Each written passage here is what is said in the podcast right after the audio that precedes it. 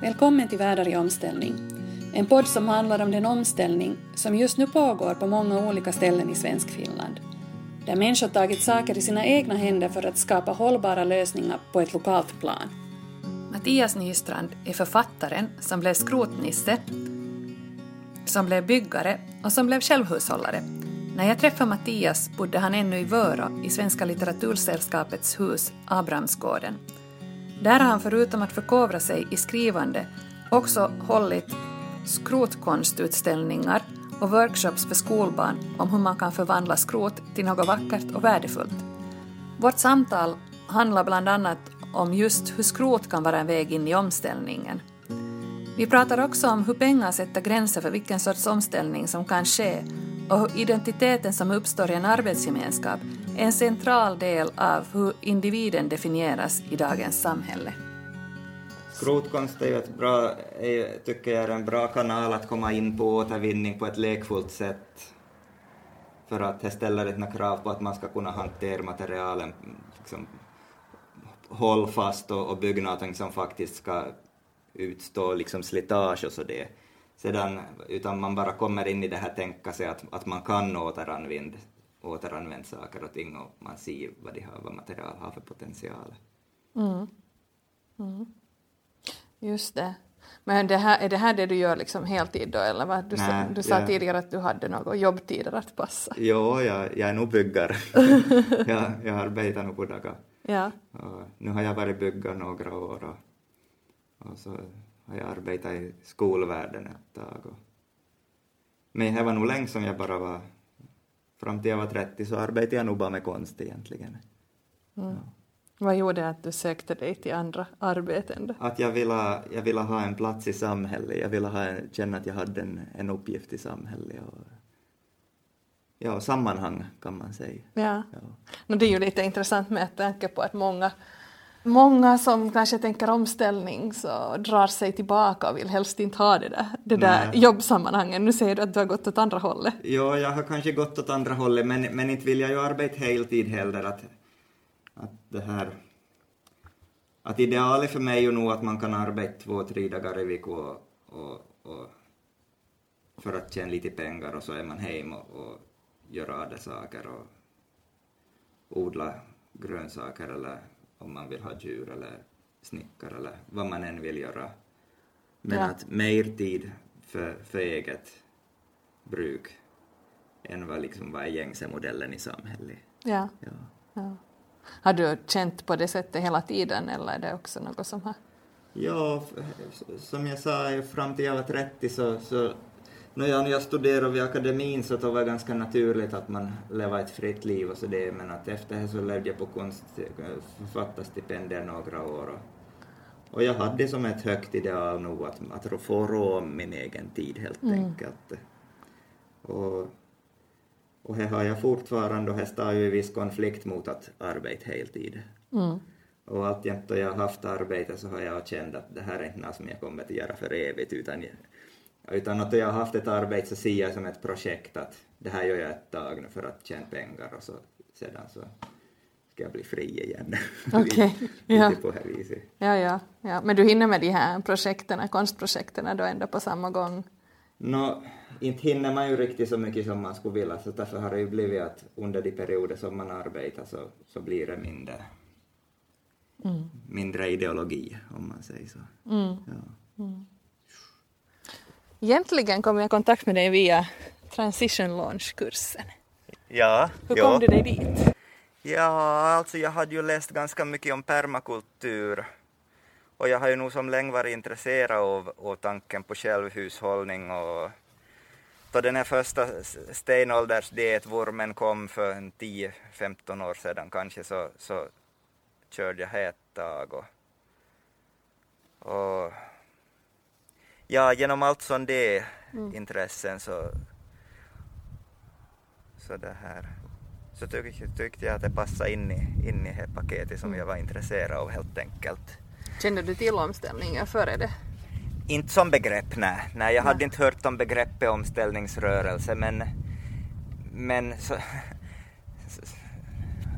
alltså de, tank, de tankar som omställning handlar om så, så, så, så var jag ju redan du med och, och, och hade tänkt på egen hand redan själv och så det. Alltså.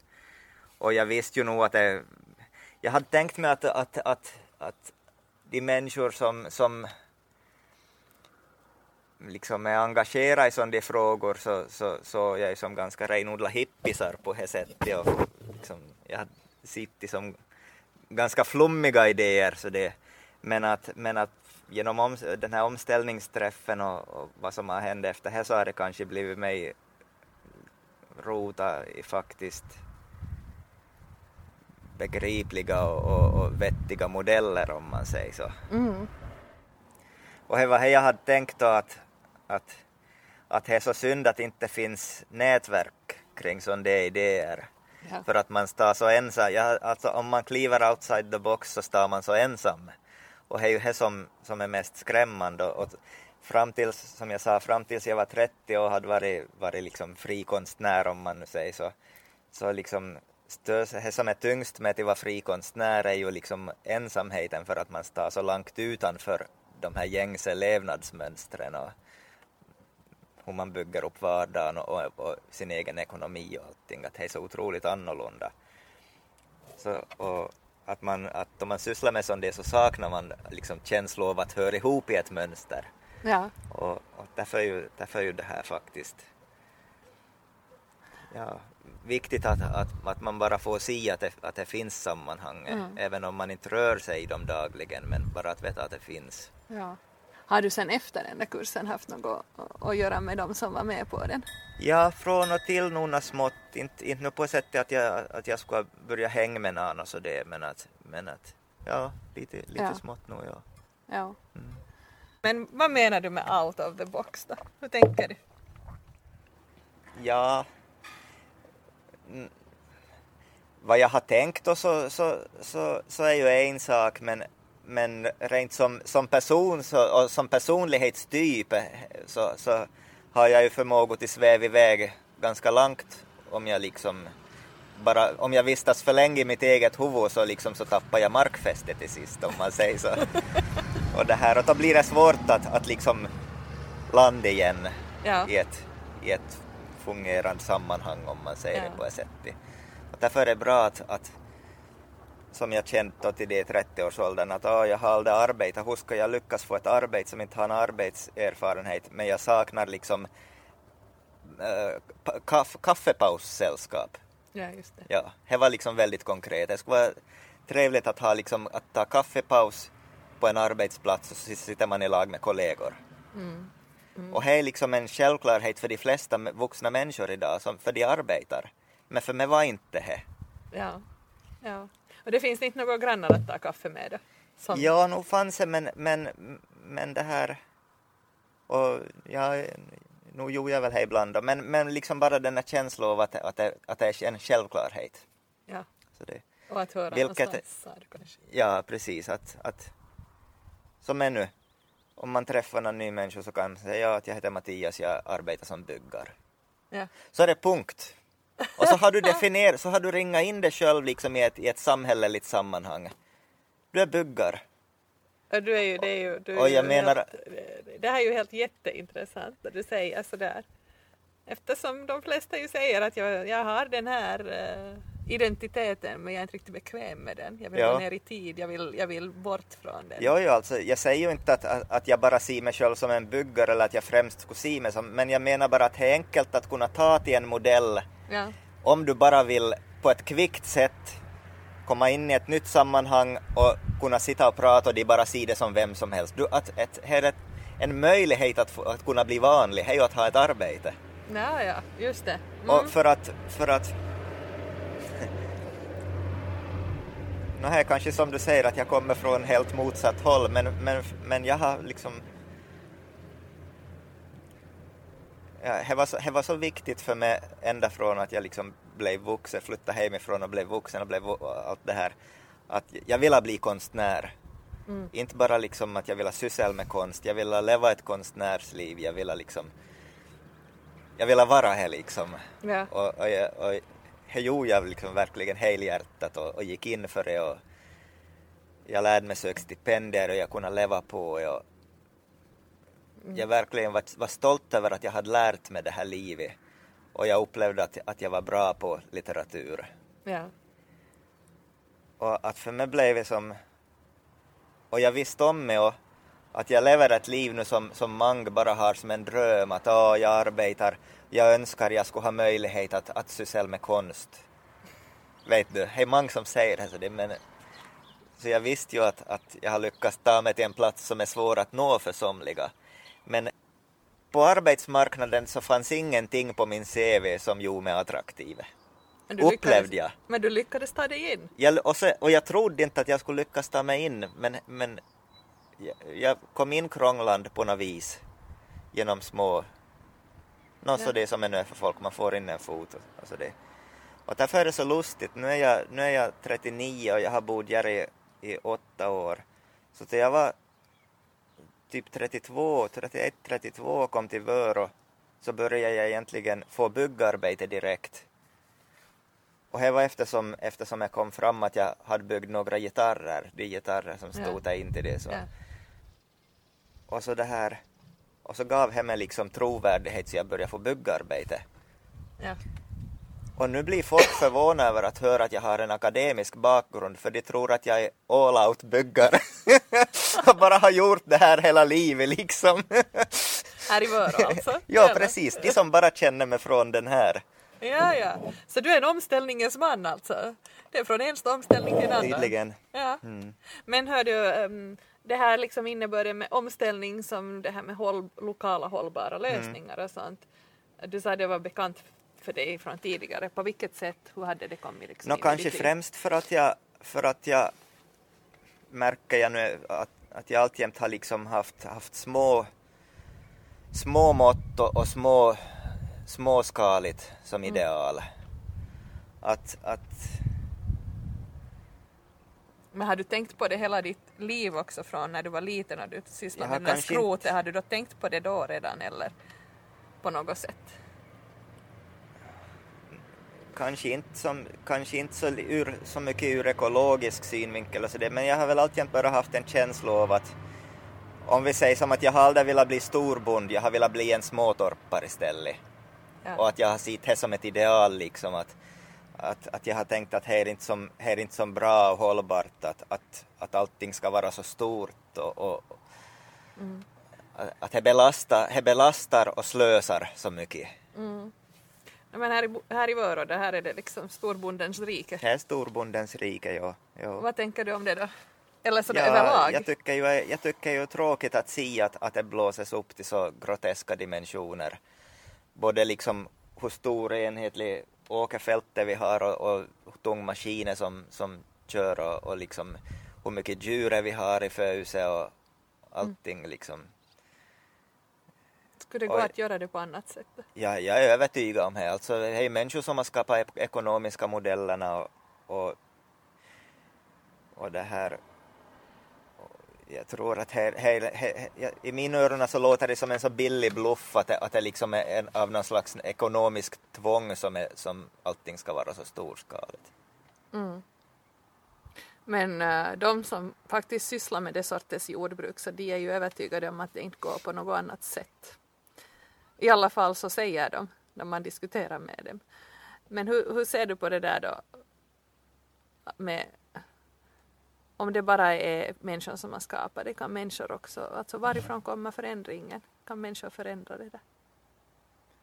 Ja, man, man, blir, man blir säkert skinna, skinna av, av storbönder om man skulle säga att, att det är bara en fråga om till, till tänk om och lite attitydfrågor och så det och, och ideal och så, men, att, men jag tror att det är så. Att, På nog samma nog gång har du ju, ja säg bara. Nu finns det ju exempel på, på de som bygger upp små jordbruk och får det till funk. Mm. Jag tycker det är en självklarhet att om man, om man köper traktorer och maskiner för, för en halv miljon euro så måste man ju dra in en helt annan liksom, omfattning och pengar än om man bygger upp i småskaligt. Då behöver man inte få in lika mycket pengar heller. Jag tycker det är enkel matematik. Mm.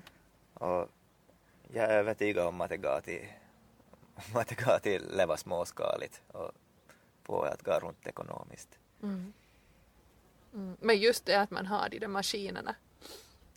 Så det där, så då handlar det ju inte mera bara om ideologi och attityder utan då handlar det ju ganska mycket också om att upprätthålla maskinerna. Och... Jo, jo, det blir ju det. Mm. Men jag menar i närskede gör man ju valen. Det här behöver man ju inte bara liksom tala om bönder för att det blir så lätt att oh, man smutskastar bönder. Alltså jag tycker ju om traktorer. Jag tycker om stora maskiner med hästkrafter och, och svart rök från, från turbodieslar och allting. Att jag tycker ju om de här sakerna men, men hej, samtidigt så tycker jag så man måste ju ta ansvar för att inte liksom släppa och löpa mok. nu då du har det här, då du har också ditt byggarjobb, är det möjligt för dig att jobba bara deltid eller blir det sen så att man måste jobba heltid när man en gång är inne där? No, nu, just, nu så, just nu så har jag ju en period där jag arbetar heltid och egen fri vilja för att jag försöker dra ihop så mycket pengar som möjligt för att köpa egen mark. Mm. Men det här, och det är tungt, och, och, så det, men, men det är ju ett val jag gör och jag gör det under en viss tid och så det.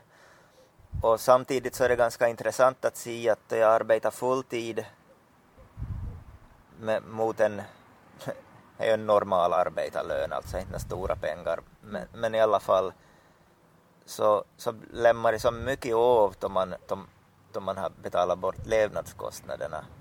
Så det betyder att, att jag kan klara mig på mycket mindre. Mm. Alltså du menar att det blir jättemycket mera kvar? Ja. ja. ja. Inte så att du börjar slösa mera då det nej, finns mera? Nej, verkligen inte. Ja.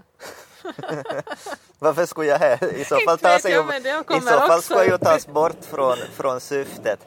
Alltså syftet, syftet med, med mätt arbete just nu är ju just det här att kunna köpa egen mark för att kunna ja. odla mer långsiktigt och så det. Jag, jag vill ha egen skog och så det. Och eh, ifall jag skulle börja leva slösaktigt så är det ju bort från det. Ja. Att, att man måste ju ha som eller man måste inte, jag väljer att ha, jag talar ju om vad jag har för ja. ideologi. Alltså, det är ju som, hej, vi pratar ju om hur man, hur man använder sin livstid. Jag sätter ju varenda dag, varenda arbetsdag på det här. Mm. Det är ju dyrköpta pengar. Mm. 15 euro i timma. Mm. Att det är ju det är svårt att få in de här pengarna det vet vi allihopa som arbetar. Så det här, så inte kan man ju som slös bort dem lättvindigt bara för att det finns mer utan man måste sätta värde på dem och verkligen använda dem till det som man mm. värdesätter. No, men du, du relaterar inte alls till det här konceptet att, att om du lever på jättelite pengar att du går in i statistiken som fattig. Vad tänker du om ordet fattig då? Men det spelar inte någon roll för mig. Ja. Vad, vad det ja, du menar? Att om, om ja, jag bryr mig om? Ja, nej. Att du mäter dig enligt vad samhället har för Nej, det har jag inte tänkt att... Aldrig tänkt på det heller? Att din... Att, att... Nej, snarare så ser jag det som en rikedom ifall man har förmåga, eller inte förmåga, men ifall man liksom tar sig friheten att, att ta kontroll över sin egen tid, ja. om man säger så. Just det. Hörde du var ute och plockade sav här. Ja. sav. Berätta om ditt sav-experiment. Ja. ja, alltså jag, det bara blev så det som just eftersom jag har funderat på just på skogsbruk och, och, och varit på en del sån informationstillfällen och kurser kring det och så det så har jag funderat att om man nu en gång ska köpa skog så man behöver ju inte få tillbaka dem de pengar på något vis, åtminstone en del av det, för att man kan inte köpa hur mycket som helst bara för att för att rädda världen. Mm. för inte, inte om man tjänar 15 euro i timmen. så det här så jag tänkt, så hade jag funderat just att vad det finns för alternativa sätt att få, att få pengar ur skogen och det här och björksav har ju börjat komma. Mm. Och så blev det så att en kaveri i Vörå ringde och frågade vad jag tänker om björksav och så sa jag att nu tänker jag bra om det. och så visade det sig att jag hade ett par hektar björkskog som har tänkt tapsa av ur för första gången nu i vår och undrar om jag skulle kom, kunna komma och, och vara avbytare under de då har skiftesarbete och inte själv hinner fara till mm. skogen. För att man ska ju, tapp, man ska ju byta de här ämbare varenda dag och så det. Mm. Och så sa jag att jo, det här, det här tycker jag om och det här vill jag göra. Att, att count me in. Ja. Och så, och så sa jag åt arbetsgivaren bara sedan att, jo, att jag kommer att vara bort några dagar nu och då för att jag ska ta Tapsavi. Och så, så gjorde vi det här i två veckor ungefär. Och det tog en mellan fyra och sex timmar per dag i skogen. Vi tappade savur ungefär 85 björkar. Och jag tror första dagen som jag levererade sav så, så, så körde jag kanske 300 kilo och sista dagen 860 kilo. Så vi lärde oss hela tiden hur man skulle göra. Och det tyckte jag var jättehäftigt. Delvis, alltså det var, det var jätteinspirerande att få göra. För att det var skönt och roligt och fint och friskt att vara, få vara ute och arbeta i skogen. Och det här. Och samtidigt få in liksom ren valuta. Som 860 kilo sav på en dag ger 300 euro. På en dag. På en dag. Nästa dag samma sak igen, nästa dag. Så att det blir som, då du adderar ihop det, det blir som rena pengar. Det var jätteroligt att se. För jag tänkte då vi börjar med det här att man får se om det här blir en flopp och man blir besviken och inser att tanken är god men det ger inte några pengar. Mm. Men det ger pengar. Och Ja. och jag tänker bara, jag tänker bara att det här, är, det här är ju en hit alltså. För att om du, får, om du har en björkskog som du kan ta 3000 euro per år ur utan att hugga. Jag menar, det är ju perfekt. Mm.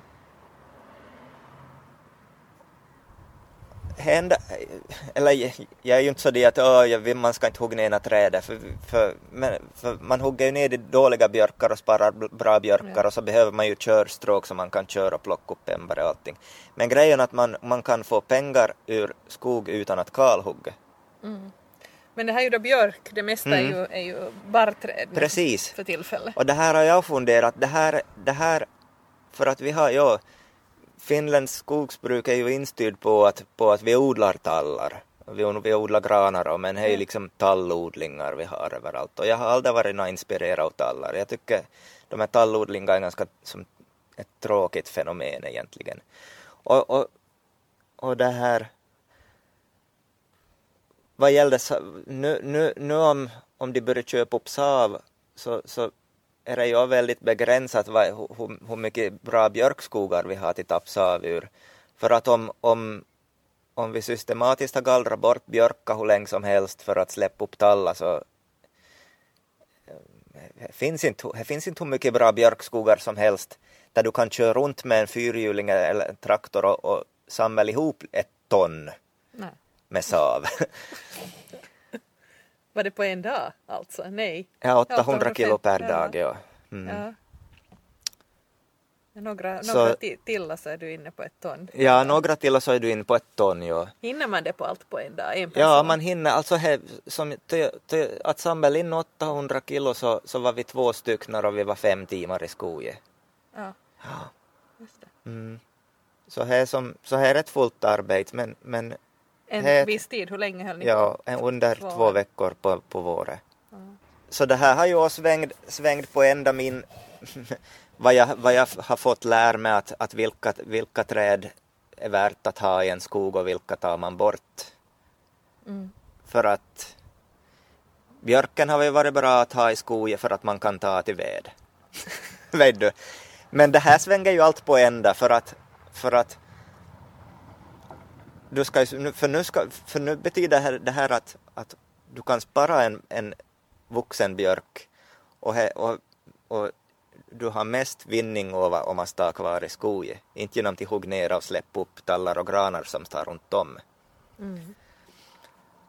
Hur är det, alltså finns det andra, uh, no, granarna har ju granskott som kan vara, men finns det Mm. andra sådana här träd som skulle kunna har jag här funderat. som, som skulle kunna ge liknande? Ja, no, jag tycker att, att vi har ju fler lövträd som borde kunna funka att, att, odel, att på. Men jag ska faktiskt nu på torsdag så ska jag på ett informationstillfälle om, om, om odling och medicinalsvamp. Jaha, just det. Sprängtickor och främst och sånt. Men de växer ju också på björken. det växer upp på björk och den är samma, den här samma kaverin som jag tappas av med så han han var ett experiment att ha planterat in sprängtickor på några björkstammar. Okej. Så det här, så här finns, det är mycket på gång och jag tycker det är jättehäftigt att det kommer, att det uppkommer sätt att tjäna pengar på ha skog utan att behöva avverka. Innan, innan liksom industriella proportioner. Men om du jämför det vad du får för ett kalhygge jämfört med att du tappas av, kan du komma upp, mäta i samma? No, jag, vet- jag, vet inte, jag vet inte vad man får från ett kalhygge, men jag, men jag tror inte att, att du får några tukisummor från att kalhugga två, två hektar björkskog som du får genom att tappa några tusen ur, ur år efter år efter år efter år. Nej. Just det. Jag tror, att, jag tror nog att saven vinner. Just det. Men hördu, du är ju nog lite av en sån här ekoprenör här nu då. Du Mm. har ditt skrotprojekt eh, så där du lite, du kanske inte gör pengar på det precis. Nej, lite- tyvärr inte. Men, men det här var ju absolut en lite sådär ekro, eller pr- entreprenörsanda i det. Mm. Ja. Att ändå tänker du nog i de termerna. jo, absolut. Jag har nog börjat konstatera att jag, jag får nog räkna mig som grön. Ja. Grön eh, entreprenör. Ja. Ehm, vad, känner du att, att du skulle vilja liksom connecta med omställning i övriga Svenskfinland? Att det skulle vara bra att känna till? Mm. Eller annanstans? Eller något med verksamheten sådär, som organisation, som nätverk? Alltså jag har ju funderat på, jag är ju inte jag är, ju som, jag är inte så intresserad av stora mönster och, och att sitta i styrelser och påverka så mycket och så det, utan jag, som jag sa, jag tycker om att pyssla i min egen trädgård och, och ha mina egna projekt och så det, så jag är inte så storslagen på det sättet. Men, men jag har ju funderat som att, att va- vilk, hu- hur skulle, hur skulle Alltså sa, sa, sammanhang för sån disk måste ju vara ekonomiskt gångbar på något vis. Ja. Att, så inte, annars, annars är det en hobby och hobby så är bra men, men vi, vi siktar ju ändå lite högre än så. Om man ska, ha, om man ska kunna påverka liksom samhälleliga mönster på något vis så måste det finnas ekonomisk rationalitet i och, och det här. No, jag ser ju för, jag ser ju för mig att, att, att, att man borde, att det borde, det borde skapas gru- gruppe, grupperingar med människor som finns, finns så pass nära varandra att man kan arbeta i laget. Som egentligen lite som det har varit i gamla tider då man har varit en gård med några generationer och en pig och en dräng och så har man arbetat i lag och så det. Och Och här varje, skulle- varje by borde ha en egen. till exempel varje by eller, eller en, en intressegrupp i en by eller, eller på det sättet. Och det skulle leda till att allihopa kan ha sin egen uppgift.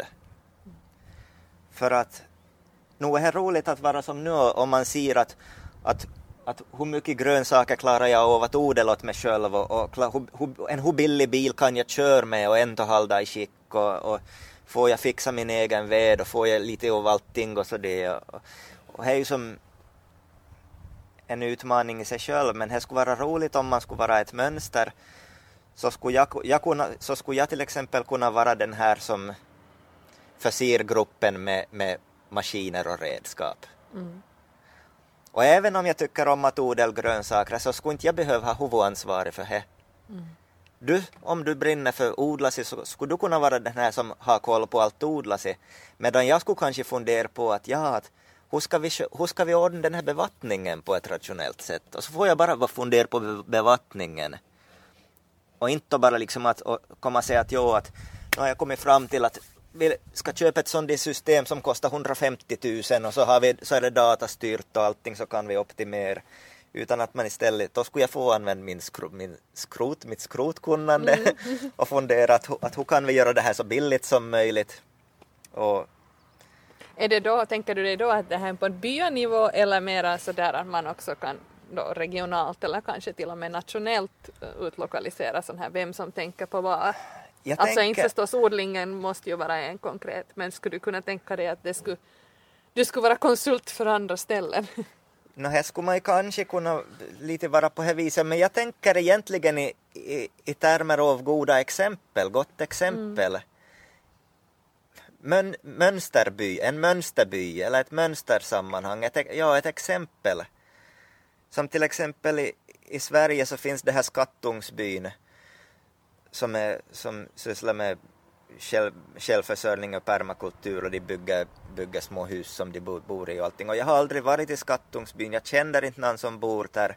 Jag har bara sett en del Youtube-kanaler om man dyker upp då man googlar på Heittaoana och på alternativ.nu och så det. Men man känner till det och man vet vad, ungefär vad är. Här är ett exempel. Ja. Och jag skulle vilja vara med och ska vara med, om, det skulle vara roligt att vara med i ett sånt exempel. Och då skulle man kunna, på samma sätt som att man skapar skrotskulpturer och visar upp åt folk och så får de, får de lite goda vibbar och idéer och tankar och så det. Så skulle man kunna ja, skapa ett exempel på bara på ett annat sätt att leva. Mm. Tack för att du tog dig tid att lyssna på ett avsnitt ur poddserien Världar i omställning. Ett stort tack går också till projektets finansiär, Svenska kulturfonden.